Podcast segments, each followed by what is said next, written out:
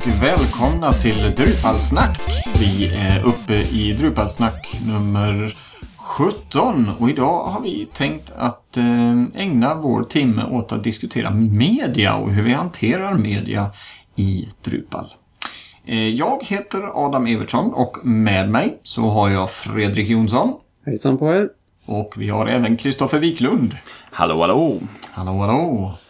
Hur är det med er grabbar? Har ni haft två bra veckor sedan vi hördes senast? Fredrik, jag förstår att du sitter mitt i en stor lervällingpöl. Inte riktigt, men eh, det är lite uppgrävt kring dig. Ja, det behövs ny dränering. Men det är ju fantastiskt eh, höstväder med bara regnar guld från himlen känns det som. Mm, härligt. Finns det en modul för det? Det finns moduler för allt. Ja, precis. Om inte annat så gör man den. Exakt, exakt.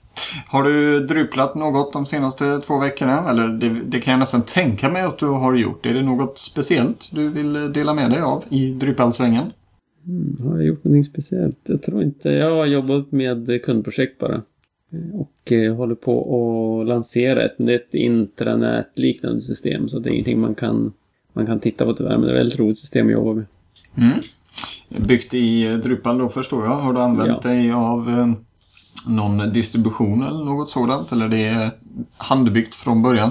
Mm, nej, det är väldigt special så att det är... Det är väl tänkt att det eventuellt ska kunna bli ett system som eh, man ska kunna klona och det, det kan vara fler som använder liknande system i de lite eh, amerikanska myndighetsvärlden lite grann, någon specialgrej. Mm.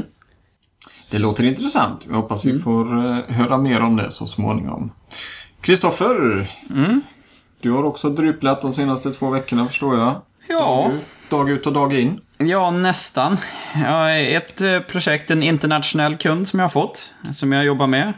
Och så skriver man på sådana här fina papper att man får inte säga något, vad man gör eller inte, utan man har sålt sin själ för det projektet. Men eh, så är det. Men det, man lär sig ju väldigt mycket ändå nya saker när man jobbar med eh, andra personer och man inser hur, hur andra jobbar som och hur man själv jobbar som. Så att, det var väldigt intressant. Mm. Kommer vi att kunna höra talas om det här projektet eller det ingår i klausulerna att du eh, är belagd med, med munkavle? Ja, jag är nog munkavlad här nu, men jag ska fråga min kund om man får berätta någonting här på podcasten. Så småningom kanske? ja, en amerikansk kund. Min senaste kund var jag tvungen att leta rätt på en notaris publicus och få kontraktet underskrivet av. Det var första gången jag, jag har hört talas om notaris publicus men jag har aldrig använt någon. Det var guldsigill eh, och grejer ja, på papperna. Oj, oj, oj. Du måste verkligen ha hittat en, en seriös notarius publicus. Det var, ja. det var kanske inte guld-guld, men det var guldfärgat. Mm. I övrigt så håller jag på med också ett projekt tillsammans med mitt eh, moderbolag, eller vi är en delägare. Eh, vi jobbar med deras interna eh, IT-system och orderhantering. Så att där har jag fått vara med och kunna visa på styrkorna i Drupal. Så det får vi se framöver. Det kan bli väldigt intressant. Och där har jag lite mer att prata om också. Mm. använder de inte Drupal från början? Eller eftersom nej. du fick visa styrkorna med Drupal? Ja, nej det använder de inte utan det är en eh, gammal... Eh, de, de har ett gammalt system som är egenutvecklat som är gjort i .NET. Så att eh, det är ju lite olika tankesätt då men eh, det finns ju stora fördelar nu med Drupal och restmöjligheterna. Eh, både mm. för det ena och det andra. Härligt! Eh, själv har jag suttit och pillat lite med kartor. I våras så nämnde vi i förbifarten en av mina gamla sajter. En kartsajt som listar upp eh, svenska ortnamn som eh, har en liten snuskig innebörd. Och det har jag satt mig med och sitter och pular med geolocation och leaflet map och eh, ja, lunchrasterna går åt till det här. Det är riktigt, riktigt skojigt får jag säga. Tyvärr så är det så skoj så att jag hinner ju inte slutföra mina andra projekt. Så att nu sitter man och bollar alldeles för många roliga projekt och måste välja var, var man ska lägga tiden. Men eh, så är det. Allting blir så mycket roligare och lättare när man har färdiga moduler som kan eh, som gör att man snabbt kommer till resultat med något. Kanske ett framtida avsnitt att prata eh, karthantering. Absolut, absolut. Det finns... Det är ju eh, ett intressant ämne och det händer mycket där. Absolut. Det får vi skriva till eh, i vår lilla lista så får vi se när vi tar den diskussionen framöver här. Eh, om ni har några idéer om vad vi vill prata om eller vad vi ska prata om här i Drupalsnack så tveka inte att hoppa in på drupalsnack.se och skicka in en litet tips om vad ni vill höra mer om. Så lyssnar vi helt enkelt. Mm. Media, mediahantering i Drupal. Ett hett ämne eh, och eh, vi har lite olika falanger eller olika läger när det kommer till mediahantering. Vad man använder, vad man brukar använda sig av för moduler och eh, vad, hur man tycker att det ska hanteras. Eh, själv sitter jag mycket med WYSIWYG eh, moduler och eh, sköter mediehantering den vägen. Eh, på sistone så har ju mediamodulen släppts i eh, allt mer stabilare versioner. Sist jag testade den så var den aningen buggig. Eh, men under vår lilla undersökningstid inför det här avsnittet så har vi även hittat andra moduler som i alla fall inte jag kände till. Kristoffer, Eh, när du föreslog det här i förra programmet eh, så nämnde du sen när vi pratades vid vi tre utanför inspelningsstudion eller vad man ska kalla det när man sitter här framför, framför datorn och, och poddar. Eh, så nämnde du en eh, liten modul som eh, visade sig vara riktigt intressant när jag fick chans att testa detta och eh, den heter Scald. Eh, skulle du vilja berätta lite mer om eh, vad du har kommit fram till under testningen? Ja, eh, jag fick tipset om den här eh, på eh, DrupalCon Prag. Jag var inte på den session, men det finns en session om eh, Skald. är en av utvecklarna bakom förklarar vad de har gjort och vad de har för tanke. Eh, det hela, Skald är ett media management system. Och eh, det utgår ifrån ett eh, Atoms, som de kallar det hela. Och en Atom kan vara en bild, det kan vara en film, ett YouTube-klipp, det kan vara ett Twitter-inlägg. Och det kan vara lite grann vad du vill att det ska vara för att eh, det bygger på entities i grunden. Så eh, man kan lägga till fält och, eh, antingen via gränssnittet eller programmeringsmässigt. Och de här atoms kan man sedan lägga in i sin VCVig eller i sin eh, Markdown eller plaintext-editor. Eh, och eh, man, har, man har jobbat ganska mycket med att det ska se bra ut och det ska vara enkelt. Eh, och jag tycker de har kommit ganska långt i hela i det arbetet. Eh, media har, mediamodulen har ju som sagt samma tanke. Eh, Skald har väl jobbat på sin kammare och gjort många saker likadant, men jag tycker nog Skald har kommit lite längre i användarvänligheten och saker och ting fungerar lite bättre. Precis. Jag får faktiskt hålla med. Det, det blir lite annorlunda tänk eh, mot vanlig mediehantering eller det som man kanske vanligtvis pysslar med. Eh, det jag tänkte mest på det var den här lilla eh, ja, vad ska, menyn eller vad man ska kalla det som ligger ute till, till höger som du alltid lätt eh, har åtkomlig. Där du snabbt kan ladda upp eller skapa nya atoms eller atomer vad man nu vill kalla det. Och, eh, och sen direkt därifrån då skjutsa in det i din, eh, i din kontext, i din brödtext eller vad man nu vill, eh, vill ha det. Mm. Eh, snabbt åtkomst, eh, väldigt lätt att eh, söka också. Eh, ligger i samma sån här utfällbara lilla flik. riktigt intressant tycker jag. Och som du säger, ett, de har suttit på sin kammare och, och hittat på något nytt eller tagit en ny, nytt grepp om det här med, med mediehantering i, i Drupal eller överlag. Mm. Så att säga. Jag kan mycket väl tänka mig att eh, använda detta i något projekt för framtiden. Eh. Ja, Eh, Skald också, utvecklarna bakom det hela, har också som mål att de ska bygga det så pass bra så att man ska kunna ta in det i Drupal 8. Det är deras version och eh, det tycker jag är ett gott initiativ. Det gör, gör mig glad att det är utvecklare som eh, känner att man ska göra göra det riktigt och det ska vara någonting som vi ska bygga vidare på. Så att eh, det tycker jag är intressant med Skald. Eh, det finns ju, om man eh, vill testa Skald så finns det en eh, installationsprofil som heter Skald Galaxy. En eh, distribution som man kan ladda ner. Som eh, installerar allt man behöver för det hela. Och eh, det kan vara en ganska bra start för att då är det någon som har lagt ner tankeverksamheten och få allting att fungera och se till så att det är rätt versioner på JavaScripts bibliotek och det ena och det andra.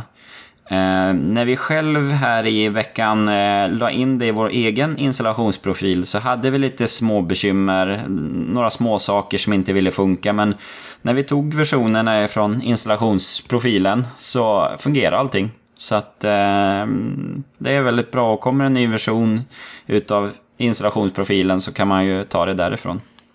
Mm, lite tips där. Eh, det jag tyckte om mycket med den det var att det var mycket drag and drop. Eh, det är väl något som jag kanske saknar i, eh, i stora delar utav mediehanteringen som jag sitter med. Men här är det mycket dra och släpp och eh, automatiserat till höger och vänster. De har tänkt igenom lite kopplingar och, och referenser fram och tillbaks tycker jag också. Det, det känns, känns väldigt bra. Skald, en, eh, en modul, en eh, distribution att eh, hålla ögonen på framöver. Och vem vet, i framtida Drupal-versioner är det kanske detta vi kommer att få se som implementerat. Mm, de har lagt upp den här Skald Galaxy på Simple Test Me så man kan gå in där och ordna sig en liten sandlåda och så installeras webbplatsen i ett demoläge och så kan man testa lite. Precis. Väldigt snabbt och enkelt. Mm. Vi lägger till den länken i våra show notes där eh, om du inte vill hoppa in på Skalds projektsida på drupal.org. Eh, kommer igång på under en minut så är det bara att tanka upp och testa och lägga till och allt sånt. Riktigt, riktigt bra. Eh, en annan modul som jag hittade i den här eh, letningen eh, påminner lite om Skald och det är Asset. Eh, är det någon av er båda herrar som har eh, testat denna? Nej. Nej, Nej inte testat. Nej, precis. Eh, som, som jag sa, den, den påminner lite om, eh, om eh, Scald i form av att du har den här sökmenyn, den lilla menyfliken ut till höger. Eh, du plockar fram den på ungefär samma sätt. Ehm, här har du, ja, i stort sett, du kan infoga bilder, filmer, eh, ljudklipp och eh, även faktiskt små HTML snippet märkte jag. Det var en liten eh, kul feature som jag eh, ibland kanske gärna hade velat ha på olika, eh, olika ställen. Man har små program på datorn som sparar sådana här. Här fanns det faktiskt man kunde spara små, små HTML-snippets. Eh, och fungerar då på ungefär samma sätt. Alltså att man laddar upp grejer, det landar i ett litet eh, bibliotek. Eh, och sen kan du snabbt ifrån den här menyn söka, dra ut dem, placera dem i eh, brödtexten i din WYSIWYG. Eh, jag har inte hunnit testa den lika mycket som Scald, men eh, de har hållit på sedan ja, 2007 kom den första gången, då skapades projektet. Eh, 474 installationer, aktiva installationer tror jag. Så att vare sig Skald eller Asset har ju nått ut till någon större publik. Mediamodulen till exempel som vi nämnde lite tidigare ligger uppe på över ja, jag tror det var över 100 000 eller om det var kanske till och med var 200 000 aktiva installationer.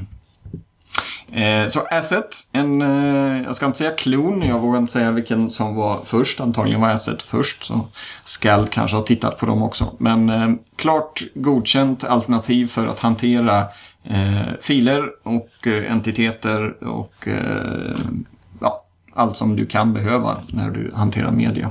Så att eh, kan rekommenderas. Eh, och när vi då eh, återigen har nämnt mediamodulen eh, så kan vi ju gå in på detta projektet.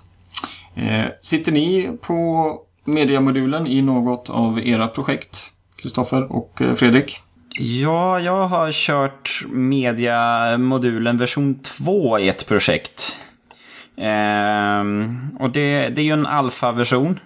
Och eh, där har jag stött på lite problem när man började göra lite mer. Jag skulle infoga YouTube-filmer. Och då, ja det strulade lite grann. Ibland funkar det, ibland funkar det inte. Och ja, det var... Mm, ja, jag blev lite bränd. Ettan, när vi installerade den, version 1, den verkar mer stabil för sådana saker. Så att jag kanske ska testa den också. Mm. Eh, det jag har märkt eh, i olika moduler just när det kommer till YouTube, det är att eh, YouTube har ju, eh, lite beroende på i vilken form URLen är, så är det inte alltid som de olika modulerna eh, lyckats hitta var själva video eh, id finns. Ehm, det mest vanliga som jag har strulat med, nu har det visserligen löst, löst sig, det är videofiltermodulen. Där man tidigare inte kunde ta URLer där det fanns någonting annat än just eh, ID-taggen eh, i någon, Eh, någon enklare form. Hade man plockat videon från en, en spellista till exempel, då fanns det ju med information i URLen om vad eh, vilken lista, vilken spel, eh, vilken playlist som den här tillhörde. Och det klarade inte videofiltermodulen av. Och det har jag hittat på många olika ställen. Så att eh, tipset är väl där om man stöter på det så kanske pröva med att ta en så ren YouTube-URL som möjligt och testa ifall det fungerar. Sen kanske man ändå ska kunna plocka in YouTube-URL hur de än ser ut och hur mycket information det än är och ändå hitta den här ID-taggen. Men ehm, då får man ge sig in i issue-kön och kanske leta lite patchar eller i alla fall rapportera att det här kan vara en, en intressant grej.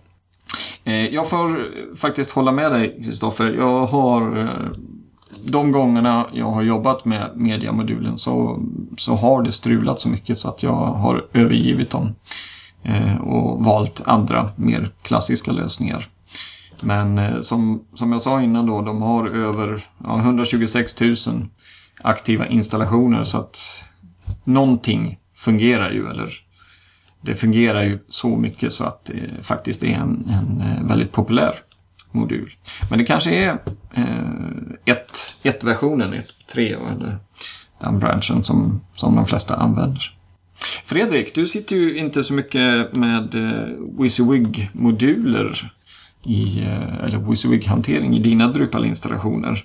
Har du eh, någon erfarenhet av mediamodulen? Ja, jag använder den för eh, eller ett stort projekt som vi använder den och där vi gjorde en del custom-utveckling. Vi skulle integrera saker i mediamodulens mediabrowser. Externa tjänster och sådär. Det, det var ganska struligt att få till. Var det länge sedan det här? Ja, det är nog ett och ett halvt år sedan. Mm. Så det var Det- ju en eh, tidigare version naturligtvis. Jag tyckte Ja, också att det kändes väldigt... Ja... Det gav mig ett komplext intryck. Mm. Det jag, eh, det jag brottades med just i mediamodulen det var att, eh, att sätta rättigheterna på, eh, på just olika användares möjlighet att ladda upp filer och att inte ladda upp filer. Och det slutade ju med att vi fick, vi fick ja, hooka oss in och se till så att man hade rätt rättigheter. Det fanns inget, inget UI för detta. Men eh, om det är någon där ute som använder mediemodulen och eh, har något positivt, nej, så ska jag inte säga, det, det är ju en populär modul. Men eh, som ni hör, vi tre har använt den eh, och blivit lite, lite brända. Eh, men det hade varit intressant att se ifall det finns något case där ute där de verkligen har gjort något, eh, något större med Mediamodulen. mediemodulen. Så dela gärna med er av er erfarenhet av den här modulen för det är ändå en så stor modul och ett sånt, eh, vad ska man säga, känt namn, media.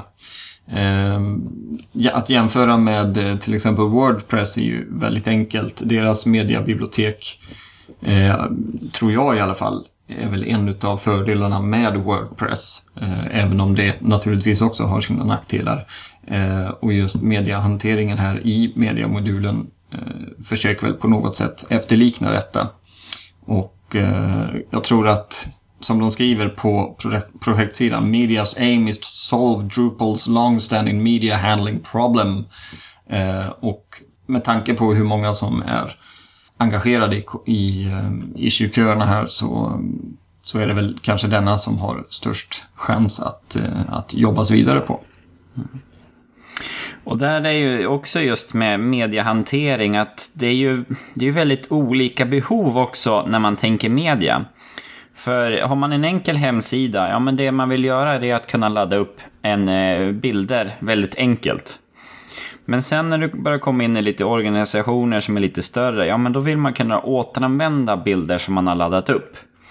Precis. Och när du kommer ännu högre, ja men då måste man ha en copyright på varje bild. Så att man ska kunna veta vem har rättigheten till den här bilden. Och man bara har rättigheter, vem får, vem får söka vad i det här, äh, i det här äh, galleryt. Och vilken version får man ha högupplösta bilder eller är det bara lågupplösta man har fel rättigheter och lite sådana saker. Att det är då det kan bli lite mer avancerat och det är då man behöver mer komplexa moduler. Mm, precis. Um, för vi, jag stötte på, eller egentligen min kollega Joakim stötte på en eh, modul just för att lösa den här enkla delen. Att jag behöver ha en bild till den här texten. Och eh, den heter One Click Upload.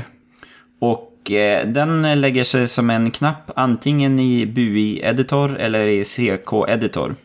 Där man klickar eh, för att få upp en, eh, en ruta för att ladda upp eh, filer. Och sedan så kommer de in. Så att det är väldigt enkelt grafiskt gränssnitt. Den läggs upp under default files. Eh, och har man eh, BUI-editor och markdown-syntax så gick det hyfsat enkelt att få det att funka där med. Så att då Eh, då kan man lägga upp bilder på väldigt enkelt sätt. Men då har man ju ingen mediahantering och kunna se eh, hur bilder används i stort. Mm. Eh, är den så enkel så att det inte går att ställa in att den till exempel ska hamna i en användarmapp eller något sådant. Utan den har en, ett syfte och det gör den bra. Du ska snabbt kunna infoga en bild eller ladda upp en bild. Um, jag tror man kan ställa in det hela, men då är det för alla användare. Uh, mm. Men det gör inte per uppladdning. Nej. Mm, intressant. Vi lägger ju till alla länkar till moduler som vi pratar om här i våra show notes. Så att eh, ni kan snabbt komma åt dem på den vägen. Eh, jag nämnde videofilter lite snabbt eh, och för er som inte är bekanta med detta så är ju det ett eh, filter som processar texten man har skrivit in i brödtextfältet eller ett annat fält också. Just när det kommer till YouTube så gör man så att man, man lägger in eh, brackets, eller eh, nej, vad heter det? Det heter... Eh, Hakparenteser. Tack, tack så mycket. Hakparentes eh, video kolon och så URLen till eh, ett YouTube-klipp. Och sen när detta processas, eh, när man klickar på spara, så eh, ser Drupal till att eh, den här eh, hämtar information ifrån YouTube och visar eh, filmen inbäddad på webbsidan. Eh, riktigt, riktigt smart, väldigt enkelt, det är svårt att göra fel. Eh, speciellt i den senaste versionen där den även täcker in lite fler eh, Eh, varianter av, av de här url som jag nämnde lite snabbt. Eh, och apropå brödtext och liknande så har vi ju WYSIWYG eh, och olika sorters hantering där. Och där finns ju en eh, modul som både finns för CK-editor och TinyMC och det är IMCE eller IMCE som jag brukar kalla den. Och eh, lite plugins till den eller ex, eh, extendande moduler till den. Har ni eh, suttit något med IMSE, grabbar? Lite grann, för att jag jobbar en del med eh, Markdown Editor som är en plugin till BU Editor. Där är ju, finns ju stöd för IMC, så jag mm, lagt till lite grejer för att det ska funka med markdown-grejerna också. Men jag använder Mm. den inte själv. Nej. Ehm, i, Kristoffer, har du suttit något med den? Nej, jag, när jag började med det här med Drupal och försökte få in bilder och så, då fick jag den aldrig riktigt att funka. Så att då blev jag, jag körde en som heter KC Finder, men den gör ungefär samma sak, men den integrerade bättre med CK-editor. Okej. Ja. Eh, för er som inte är vana vid INSE så är det helt enkelt att man eh, från verktygsfältet i sin WYSIWYG editor klickar upp eh, en, ja, en enkel filhanterare kan man säga. Där man kan länka in bilder och eh, ja, allt som man kan ladda upp. Eh, hade väl säkert mått bra av lite designkärlek. Eh, men eh, man kommer ganska långt med detta och eh, fördelen är också att man kan ställa in eh, vad de olika användarna får och inte får göra. Så man, har, man sätter roller på användarna och eh, vad de sen ska få göra och var de ska få ladda upp eh, bilder och filer och liknande. Eh, hur fungerar det i eh, ett markdown-sammanhang? Hur, alltså när jag lägger till en, till exempel en bild så ser ju jag bilden i brödtexten när jag klickar på insert file. Hur, hur fungerar det när du sitter och jobbar med, med IMSE, Fredrik? Det är ju um, det är på grund av att du använder en editor som har tagit över eh, textfältet med en JavaScript-lösning och visar en preview på dina grejer.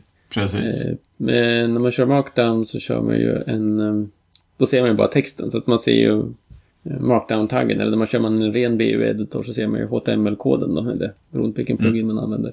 Men sen finns det en, um, en modul man kan använda som man får en preview-knapp i eh, BU-editors eh, verktygsrad. Då kan man få, då kan man växla över till ett eh, förhandstittläge och då får man se hur bilden ser ut på riktigt. Sen kan man växla tillbaka till textläget för att skriva.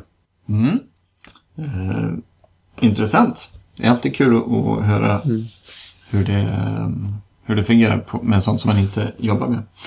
Eh, varför, eh, nu kommer vi bort lite från mediehantering här, men du jobbar ju mycket med markdown. Eh, hur kommer det sig att du har valt den delen istället för att jobba med, med en WYSIWYG där man då kan se slutresultatet? Ja. Enkelhet, stabilitet och framtidssäkerhet. Eh, det är de tre sakerna. Jag försöker avråda alla kunder från att hålla på med någon typ av eh, Alltså lägga in bilder direkt i brödtexten. Överhuvudtaget avråder jag dem från. Utan eh, mina kunder har eh, Ska de lägga upp bilder så bara laddar de upp bild, vilken bild de vill, hur stor som helst, vad som helst. Ladda upp till ett bildfält och sen har man ImageDice som tar hand om att göra om den här bilden så att den ser ut som den ska göra. Mm. Eh, Så att mm, användaren som lägger in artikeln behöver inte bekymra sig om eh, att köra Photoshop eller ställa in någonting eller de har en bild, bilden ska in, de laddar upp den och så sköter Drupal om att det blir rätt storlek och optimerad och kör unsharp mask på den eller lägger in vattenmärken eller vad det nu ska vara för någonting. Mm. Och sen så bara skriver man texten och normalt så är det ju otroligt lite formatering som, eh, som man bör göra. Och med markdown så vet man att man, det kommer alltid, alltid genereras valid HTML5-kod i, i slutändan. Det är som ingen spaghetti-kod och grejer. Och koden kan dessutom, den kan bli HTML eller den kan, man kan som konvertera den till vad man vill. Den är väldigt framtidssäker. Ja, så gör vi en app sen utav eh, Drupalsnacks hemsida. Så då har vi ju markdown, så det är väldigt enkelt att bara JSON-encoda det och eh, presentera det på enklare sätt än om det skulle vara HTML. Man får en ren och snygg kod och det, eh, har, man då in, har man bara en, ett filfält, ladda upp bilden och skriver man texten och så klickar man OK och så, då är det sparat och så ser det bra ut. Och sen när man är klar kan man gå vidare till att skriva nästa artikel. Jag poängterar att alla kunderna ska lägga all möda de kan på att skriva bra texter och hitta bra bilder istället för att hålla på och pilla en visuell editor för att få saker två pixlar hit och dit. Det är min filosofi. Det finns Mm. naturligtvis undantag, men för mina kunder är det i 99 fall av 100 är det mycket bättre att bara köra det enklast möjliga. Och lägga sin tid på bra text och snygga bilder. Det låter helt rätt på det sättet som, eh, som du hanterar dina kunder. För det är när Ehm. man har, kommer till mobiler till exempel, att när man lägger in bilderna i direkt i textfältet så blir det mycket svårare man som tappar ju kontrollen på dem lite grann. Ofta vill man att saker ska, man har som andra behov när man ska visa saker på mobil eller på en stor skärm eller om man ska skjutsa iväg saker. Har man bilderna i ett, text, i ett bildfält och texten i ett textfält, då kan man ju massera om eh, innehållet på ett helt annat sätt. Ja, jag önskar jag hade sådana kunder också. Tyvärr så har, har jag sådana som eh, skriver blogginlägg. Och när det börjar bli ganska långa blogginlägg så eh, vill de ju ha in bilder och de vill ha in YouTube-klipp mitt i texten för att kunna göra en, en bra artikel. Säg nej. ja. Ni har fel. Mm. Så är det. Eh, så när, när du installerar Drupal 8 sen så då, är det, då ryker CK-editor väldigt snabbt. Stämmer det? Eh, ja, jag förstår inte vad man ska med den till. Markdown mm. är mycket bättre. Mm. Jo, för jag tycker det är ett väldigt intressant, eller ett bra initiativ ändå ifrån Drupal att se till så att vi har en CK-editor som följer med kärnan. Eftersom det är en så pass viktig del att ha med. Och då tycker jag det ska vara med där för att eh, i alla fall som det är just nu när vi kör Vysivygg. Eh, så eh, då eh, det finns ju som olika eh, så många olika editorer, JavaScripts bibliotek och det, det blir som svårt att göra lösningar och så. Det blir enklare om man standardiserar på någonting som man kan förutsätta vad folk har för någonting. Ja. Mm. Exakt. Eh, vi går vidare. Vi har en eh, modul här som jag hörde talas om första gången i München, DrupalCon München, för eh, lite över ett år sedan. Insert-modulen. Kristoffer, eh, det var du som la till den, eller var det Fredrik kanske? Eh, det var jag. Det var du. Det... Ska du förklara vad den gör? De få gånger som kunder lyckas övertyga mig om att de måste kunna lägga in bilder eh, direkt i texten så använder jag ofta insert-modulen. Mm. Den har, då laddar man fortfarande upp bilden till ett eh, bildfält. Och då vid bildfältet får man sedan en liten pop-up-meny där man kan välja vilken eh, style, vilken stil man vill ha, om det är tumnagel eller stor eller vad man nu kallar dem för någonting. Så får man en liten knapp vid sidan om det. Och när man trycker på den knappen då, då lägger den in bildtaggen i brödtextfältet som motsvarar då det, de val man har gjort. Mm. Så att um, väldigt enkel och fungerar väldigt bra. Man, då får man bildtaggen, då ska man skriva text över och under som man vill och sådär. Mm. Låter lite som en blandning mellan uh, One Click Upload och uh, som Kristoffer tipsade om och uh, en, en lite mer tuffare vad ska man säga, bildhantering i, i Markdown. Mm. Och kör man då en Visvig editor då blir det ju, då får man ju, för då den här taggen när man läggs in den, den görs ju om då till så man visar bilden istället. Mm. Men har man ett vanligt textfält och då ser man bildtaggen så att den fungerar lika bra i CK-editor eller något sånt där. Mm. Det är bara att jag råkar inte använda den så. Det kan ju vara ett bra alternativ om, eh, om man inte behöver komma tillbaks och återanvända bilder utan att man eh, laddar upp nya bilder hela tiden. Att på ett enkelt sätt få in dem i texten. De här bildstilarna, passerar de via Image Cache? Så att, eh, ja, det, det, är, det, är, det är vanliga Image Tiles. Det, det, är, ja. det är de man ser där. Mm. Trevligt. Trevligt. Eh, sen hade vi, eh, ska vi se vad vi har mer, vi har en lång lista här. EM-field la jag upp också. Embedded Media Eh, något som ni känner till, som ni använder? Fredrik, Kristoffer?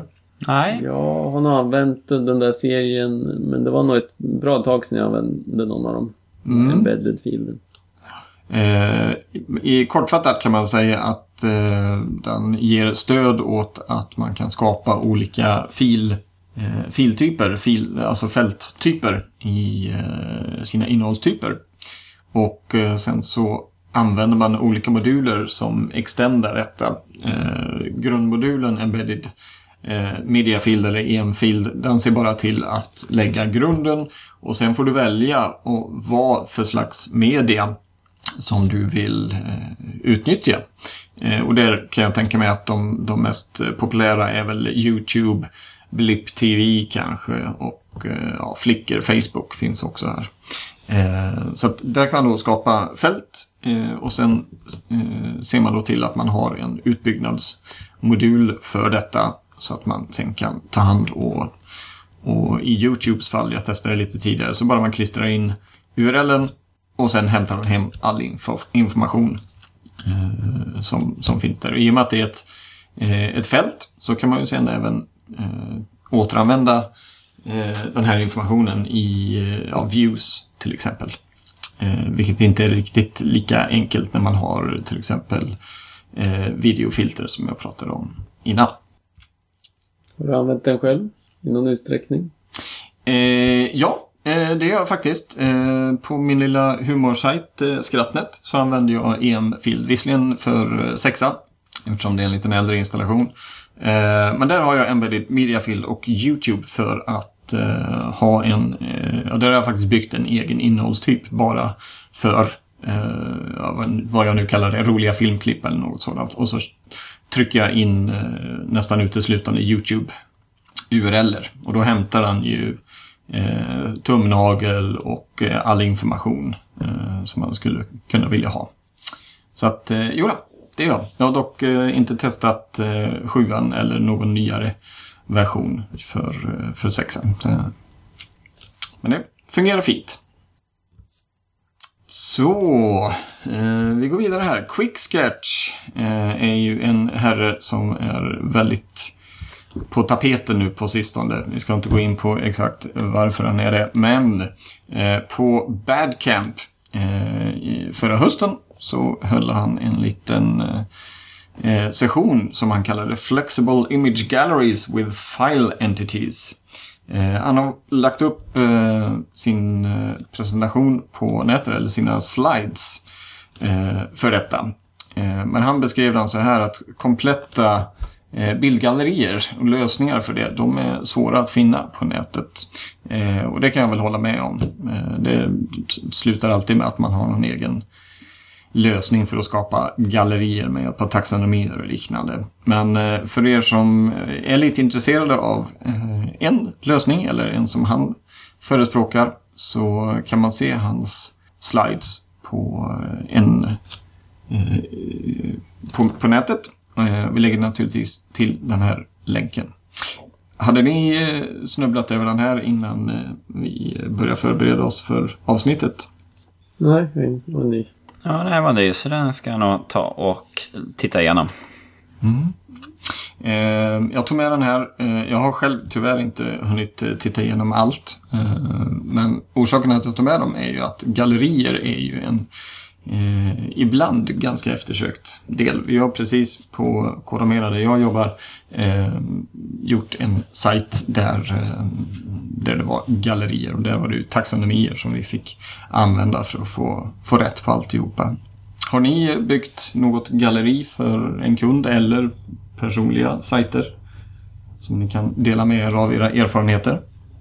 Ja, webbsystems eh, startsida så har vi ju lite sådana galleri, eller det är ju egentligen en slideshow. Men sen en annan kund, Lotus Education, där har vi byggt eh, dels eh, ett bildgalleri men också ett videogalleri. Där vi listar upp eh, bilder och videos i olika kategorier. Men då är det taxonomier som ni använder då för att hålla ordning på dem och kategorisera dem? Vi gjorde faktiskt som så att vi gjorde en nod. För bildgallerierna var det som så att vi gjorde en nod som hade ett bildfält med oändliga bilder.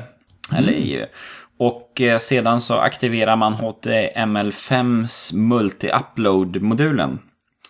Så då när kunden vill ladda upp massor med bilder så då är det ju bara ett vanligt eh, bildfält. Och sen så säger man vilka bilder vill du ha och då kan man markera flera. Så då kan du markera en hel mapp och bara ladda upp det hela. Det var en lite kul lösning. Trevligt. Och sen så använder vi ju också eh, Colorbox för att få lite sån pop-up eh, effekt. Så när jag har byggt några gallerigrejer så är det just uh, Colorbox som jag har använt. Jag har eh, några screencast. Om man går på Colorbox projekthemsida så finns det en screencast som visar. Det finns så har man bara ett bildfält på en nod där man laddar upp ett gäng bilder och så Eh, när man eh, klickar på en av dem så hoppar upp en colorbox som man kan rotera runt och titta på alla bilderna. Ganska enkelt men det fungerar. Mm. Fick ni lite tips där också? Eh, jag har sagt det innan, jag säger det igen. Vi lägger till eh, och försöker samla ihop alla länkar så att ni snabbt kan eh, komma åt dessa. Så, vi börjar närma oss slutet på vår lilla lista. Sist ut här är något som jag tror Kristoffer lade till nu precis innan. Drupal Bootstrap. Drupal GR8 Media. Är det lite kryptiska meddelandet. Var det du Kristoffer som eh, la till den här länken? Jepp. Det är en bloggpost som var i mitt vanliga flöde. Eh, som pratar om... Eh, de hade ju ett möte nere i Prag, eh, mediainitiativet. Och eh, då har de eh, skrivit ner lite punkter om eh, hur de vill jobba som grupp, men också hur de tänker sig hur arkitekturen ska fungera i framtiden för Drupal 8. Så är man intresserad av de här tekniska delarna och eh, hur det kommer att fungera sen så är det en ganska intressant bloggartikel. Och hur man jobbar då med just media entities. Och hur kan gruppera ihop dem och hur de olika fält och så. Så att det, det är ju mycket av det här tänket som finns i media och skald och asset. Ehm, så att, eh, ja, det jobbas med. Du känner igen det? Ja, Mm. Eh, det verkar vara ett eh, glatt gäng som eh, sitter bakom mediainitiativet och jag önskar dem all, all lycka och framgång med detta. Som jag sa innan att mediemodulen är väl den största chansen vi har till att få en komplett medialösning i alla fall i dagsläget. Så att, mm. Vi får eh, följa upp detta i framtiden och se, se vad som händer. Det är alltid roligt att göra det. Eh, för er som eh, känner att ni vill dela med er av era egna erfarenheter av mediehantering, mediamoduler och eh, lösningar så har vi på drypasnack.se så har vi ett kommentarsfält. Hoppa gärna in där och dela med er. Även om vi tre har ganska mycket Drupal-kännedom så har vi långt ifrån total, i alla fall inte jag. Eh, det kan jag ställa mig upp och erkänna med en gång. Eh, och ju fler som deltar, desto bättre. Så dela gärna med er av eh, era åsikter och, och kunskap. Helt enkelt. Med det så rundar vi av vår diskussion om mediehantering. Kristoffer, Fredrik, har ni något mer som ni skulle vilja tillägga i den här diskussionen? Nej, jag tror det var ganska fullödigt så. Mm. Hoppas det kommer in lite kommentarer och eh, andra intressanta saker. Kanske vi kan ta en liten uppföljare i nästa avsnitt. Precis, en liten recap. Med det så låter jag eh, micken vandra över till Kristoffer som ska dra lite nyheter om Drupal.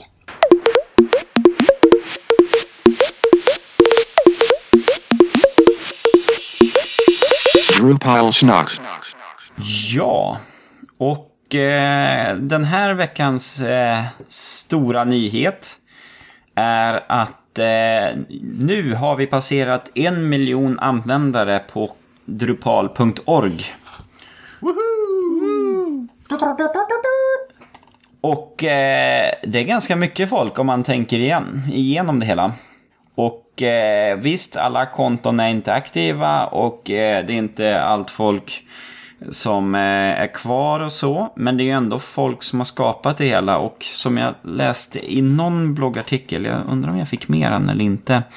Eh, det är som så att, eh, jo här, eh, som en kommentar.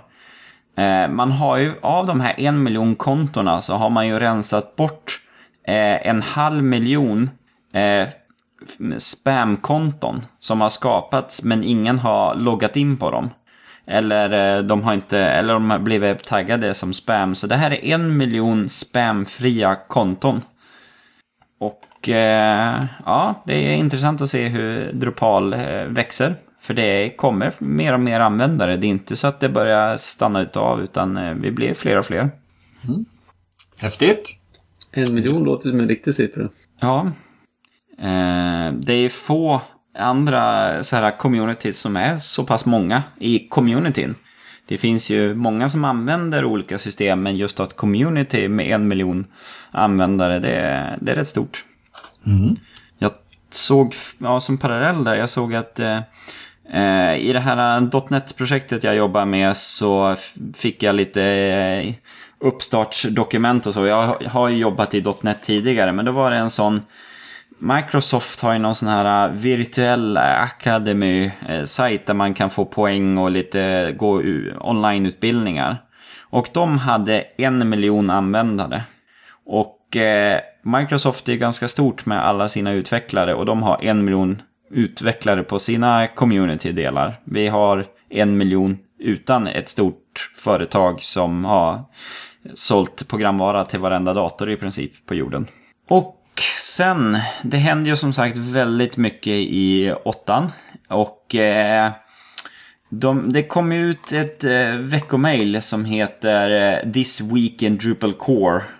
Och eh, de är väldigt intressant att läsa. Ja, men vad händer? Vad är det för möten?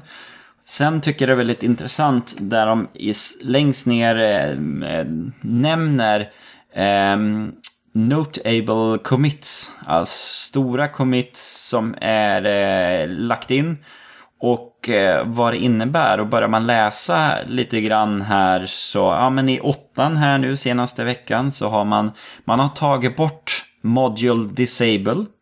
Eh, man kan inte disabla moduler i åttan eh, för att det introducerar väldigt lätt osynk mellan gammal data som är inaktiverad och den aktiva datan. Och vad händer om du aktiverar en modul och vad händer om du har sånt som är beroende utav sånt som är inaktiverat och att då har man, man har tagit bort det för att det, det funkar inte långsiktigt utan eh, avaktiverar en modul så avinstallerar man modulen. Och eh, vad har man gjort mer? Man har eh, eh, kommentarer.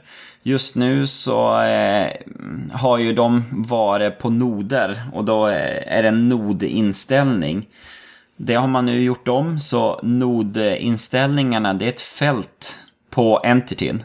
Och det gör att man nu kan lägga till eh, comments på alla entities och de administreras som ett fält. Och ja, det, jag kan fortsätta läsa men det är såna här stora saker som bara kom in senaste veckan. Så att, eh, ja, det, jag tycker det är intressant att följa dem. Så jag ger en länk till det. Och sen angående åttan så eh, ibland så kan det vara svårt att ins- eller följa med på vad är det egentligen- egentligen som händer och så. Och då dök jag på här eh, Drupal 8 in Pictures. Eh, där man har eh, gjort screenshots på allt ifrån installationsflödet, hur, hur det ser ut. Eh, när du kommer in, hur kommer den responsiva saken fungera? Hur kommer inline editing och moduler och så. Att här får man en väldigt grafisk introduktion som är väldigt enkel att sätta sig in i. Och bilderna är lite så GIF-animationer så att eh, man, det är lite små videos utav dem. Och sen tre bloggartiklar här. De är lite längre. Eh, men de utgår ifrån eh, vad behöver man kunna eh, i Drupal 8. Och då har man eh, utav tre pers- personers eller typers perspektiv. Vad behöver man kunna som utvecklare? Vad kommer man behöva som sitebuilder? Och vad kommer man behöva som en eh, temare eller en grafiker? Allt ifrån att en eh, grafiker eh, behöver ju lära sig Twig. Men även Backbone JS, responsiv och utvecklare så behöver man lära sig eh, modern POP-programmering med objektorientering och man behöver lära sig symfoni och lite så här. Och för varje sån här kunskap som man behöver så finns det en kort förklaring. Det finns resurser, länkar med vad, hur lär man sig mer och även länkar till sessions som har hållits på DrupalCon. Så att eh, det här var tre långa men väldigt bra blogginlägg för att veta vad ska jag kunna i Drupal 8. Så det var det av nyheter Eh, av, av den typen. Sen så har vi ju lite nya Drupal-sajter. Eh, är det du Adam som har lagt upp första här nu va? Ja, eh, det stämmer. Jag träffade Jonathan från GeoWeb förra veckan när vi hade en liten eh, Drupal Geek Meet. Eh, och eh, då berättade han att han precis hade slutfört eh, ett lite större projekt där han hade samlat, eh, vad sa jag nu, sex stycken eh, lokaltidningar i eh, Västergötland. Och, eh, och nu ska vi se, jag ska ta upp den här. Eh, och eh, samlat detta i en eh, Drupal-installation. Och det var ju bland annat då Skövde Nyheter. Eh, det var, vad var det mer? Jag kommer tyvärr inte ihåg. Han, han Är det inte typ Värnamo Nyheter också har jag för mig? Ja, det är möjligt. Jag kommer tyvärr inte ihåg vad han, han berättade och det fanns inte i den här eh, listningen. Men Skövde Nyheter var en utav dem i alla fall. Eh, snyggare, snabbare och mobilanpassad eh, säger de i den här artikeln. Och eh, det stämmer. Allt är eh, mobilanpassat. Så att eh, de har, eh, han har gjort ett riktigt bra jobb där och eh, artiklar går igen på de olika sajterna. Eh, och eh, det var också en eh, ganska avancerad annons, annonseringslösning där.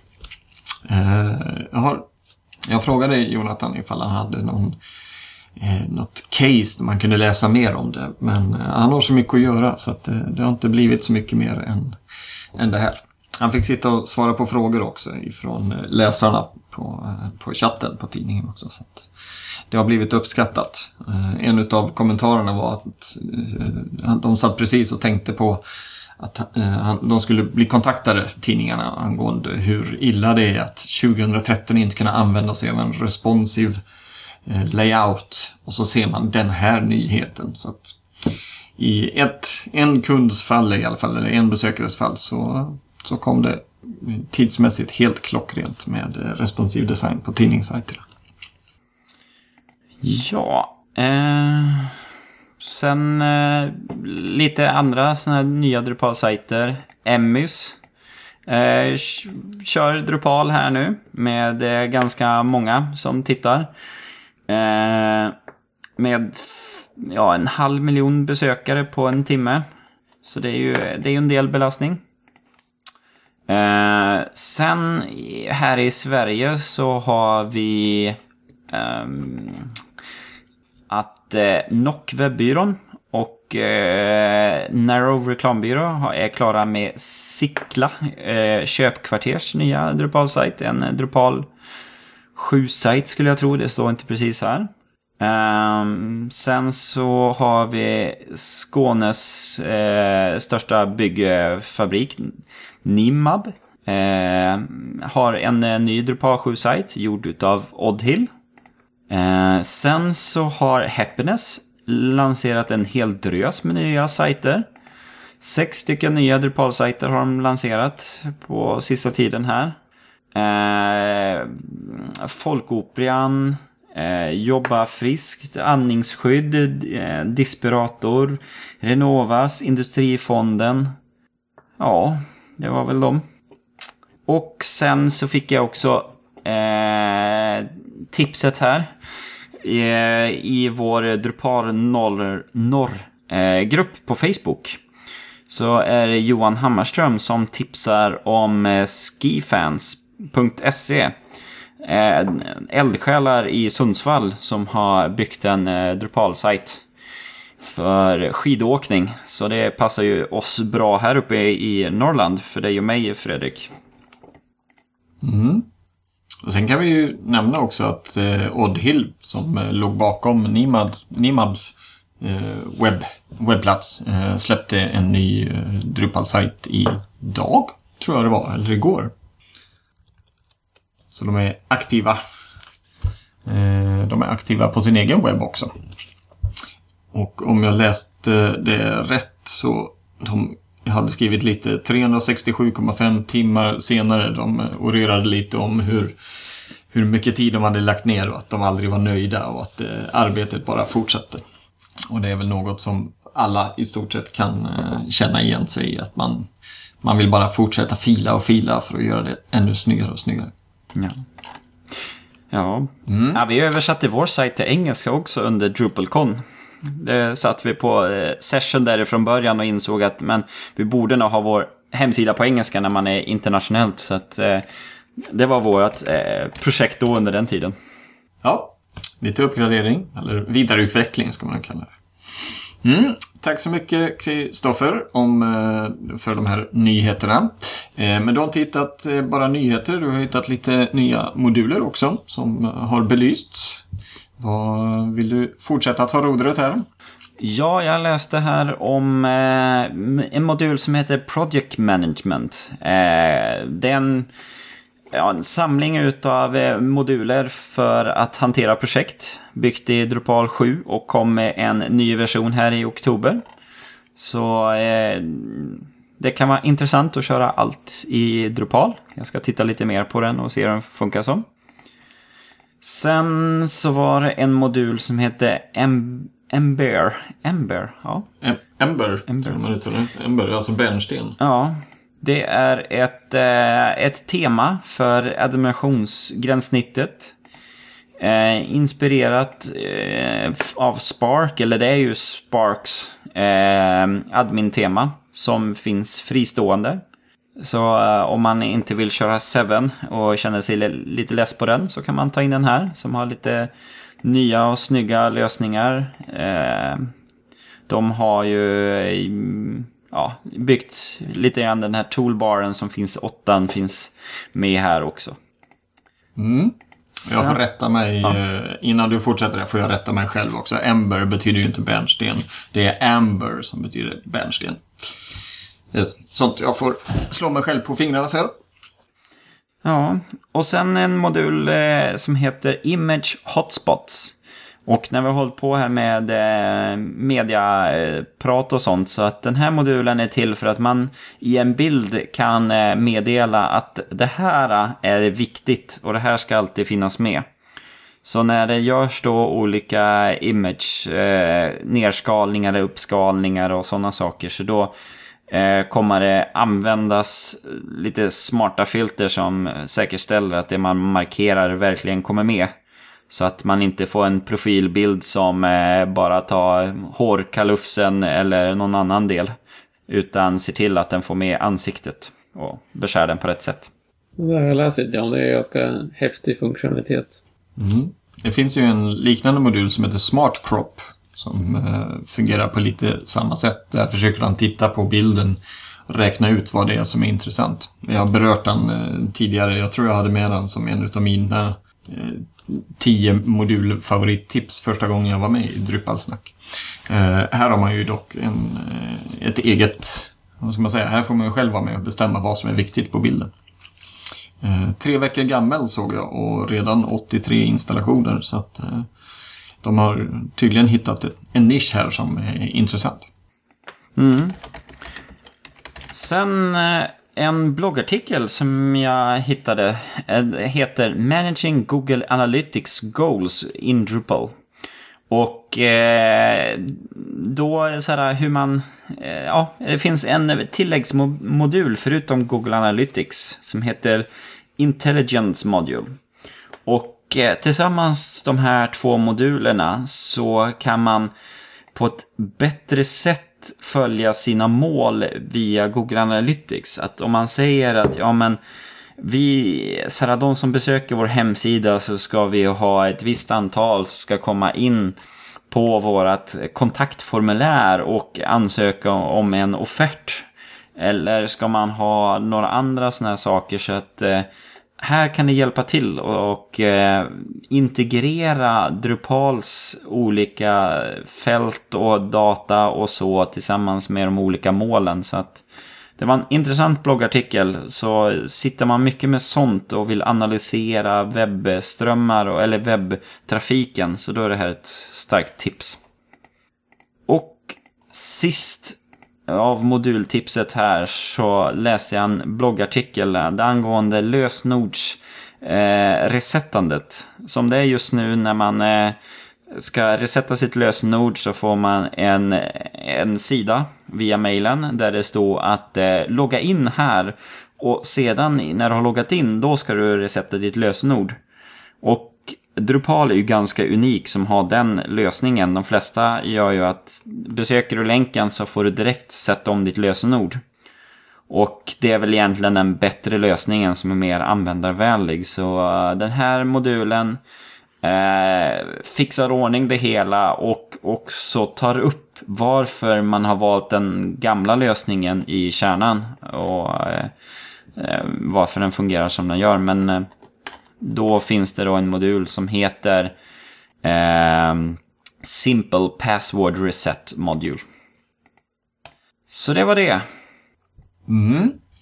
Tack för detta. Tack för detta. Och länkar till alla nyheter och modultips hittar ni ju på vår sida drypalsnack.se och så kan ni klicka er in för avsnitt nummer 17 för att hitta dem. Vi ska avsluta vårt eh, 17 avsnitt med att eh, ta upp lite som händer runt om i landet eh, med Drupal som minsta gemensamma nämnare. Det är lite träffar på gång och eh, Kristoffer, du jag tror minsann att du vet en del om en Drupal-träff i Drupal Norr.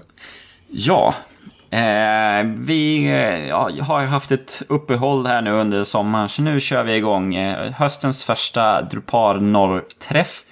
Eh, den 22 oktober på vårt kontor på webbsystem.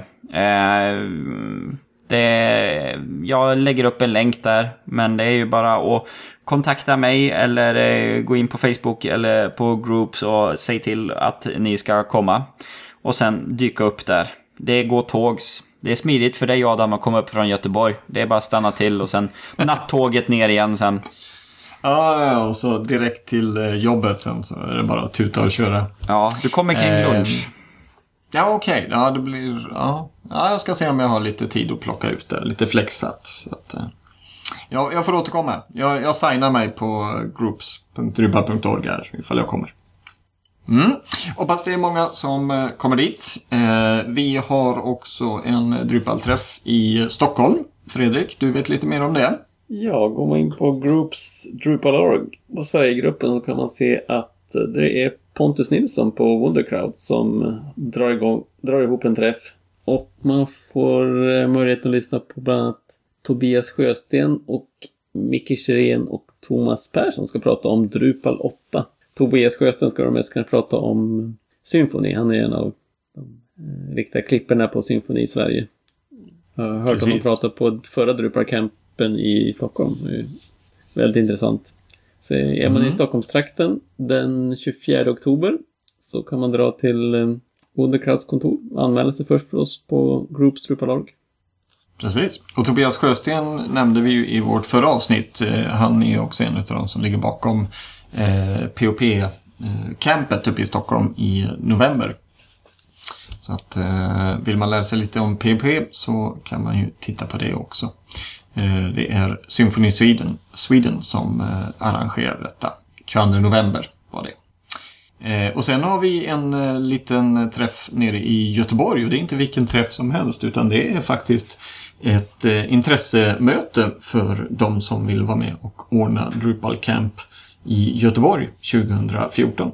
Eh, våra två tidigare camp har gått så bra så att eh, föreningen som eh, hanterar eh, Drupal Göteborg, eller man ska kalla för, föreningen som pysslar med communityaktiviteter här nere i Göteborg, har eh, beslutat att vi ska satsa på eh, ett nytt Drupal Camp i Göteborg. Det är samma dag som träffen uppe i Stockholm, alltså 24 oktober. Och eh, vi kommer att träffas i Webbhusets lokaler mitt på gågatan här i Göteborg. Så att eh, ni som är intresserade av att eh, vara med och ordna ett eh, Drupal Camp i Göteborg så är det fritt fram att dyka upp där. Eh, länkar till dessa tre eh, events, eller tre träffar. Och Eh, ja, vi lägger med länken till eh, POP-campet också, så fyra länkar. Samt alla andra länkar hittar ni på drypalsnack.se. Med det så är det dags att avsluta den här timmen. Eh, nästa avsnitt kommer vi att prata om Git. För er som pysslar med versionshantering så är Git en, ett riktigt bra alternativ. Eh, och eh, vi kommer ägna merparten av nästa avsnitt att diskutera och eh, prata hur man jobbar med Git. Om ni har några frågor som ni gärna vill ha svar på gällande Git så passa på att twittra om dem med Drupalsnack som mottagare eller gå in på vår sajt och skriv något i vårt kontaktformulär helt enkelt. Om ni tips på arbetsflöden som ni använder och tycker fungerar bra så är det också väldigt intressant tycker jag. Mm. Ni hörde Fredrik. Med det så tackar vi för oss. Jag, Adam Evertsson, säger hej då. Och eh, Fredrik och Kristoffer får också lov att säga hej då. Hej då! Hej då! Då ses vi om två veckor. Ha det gott!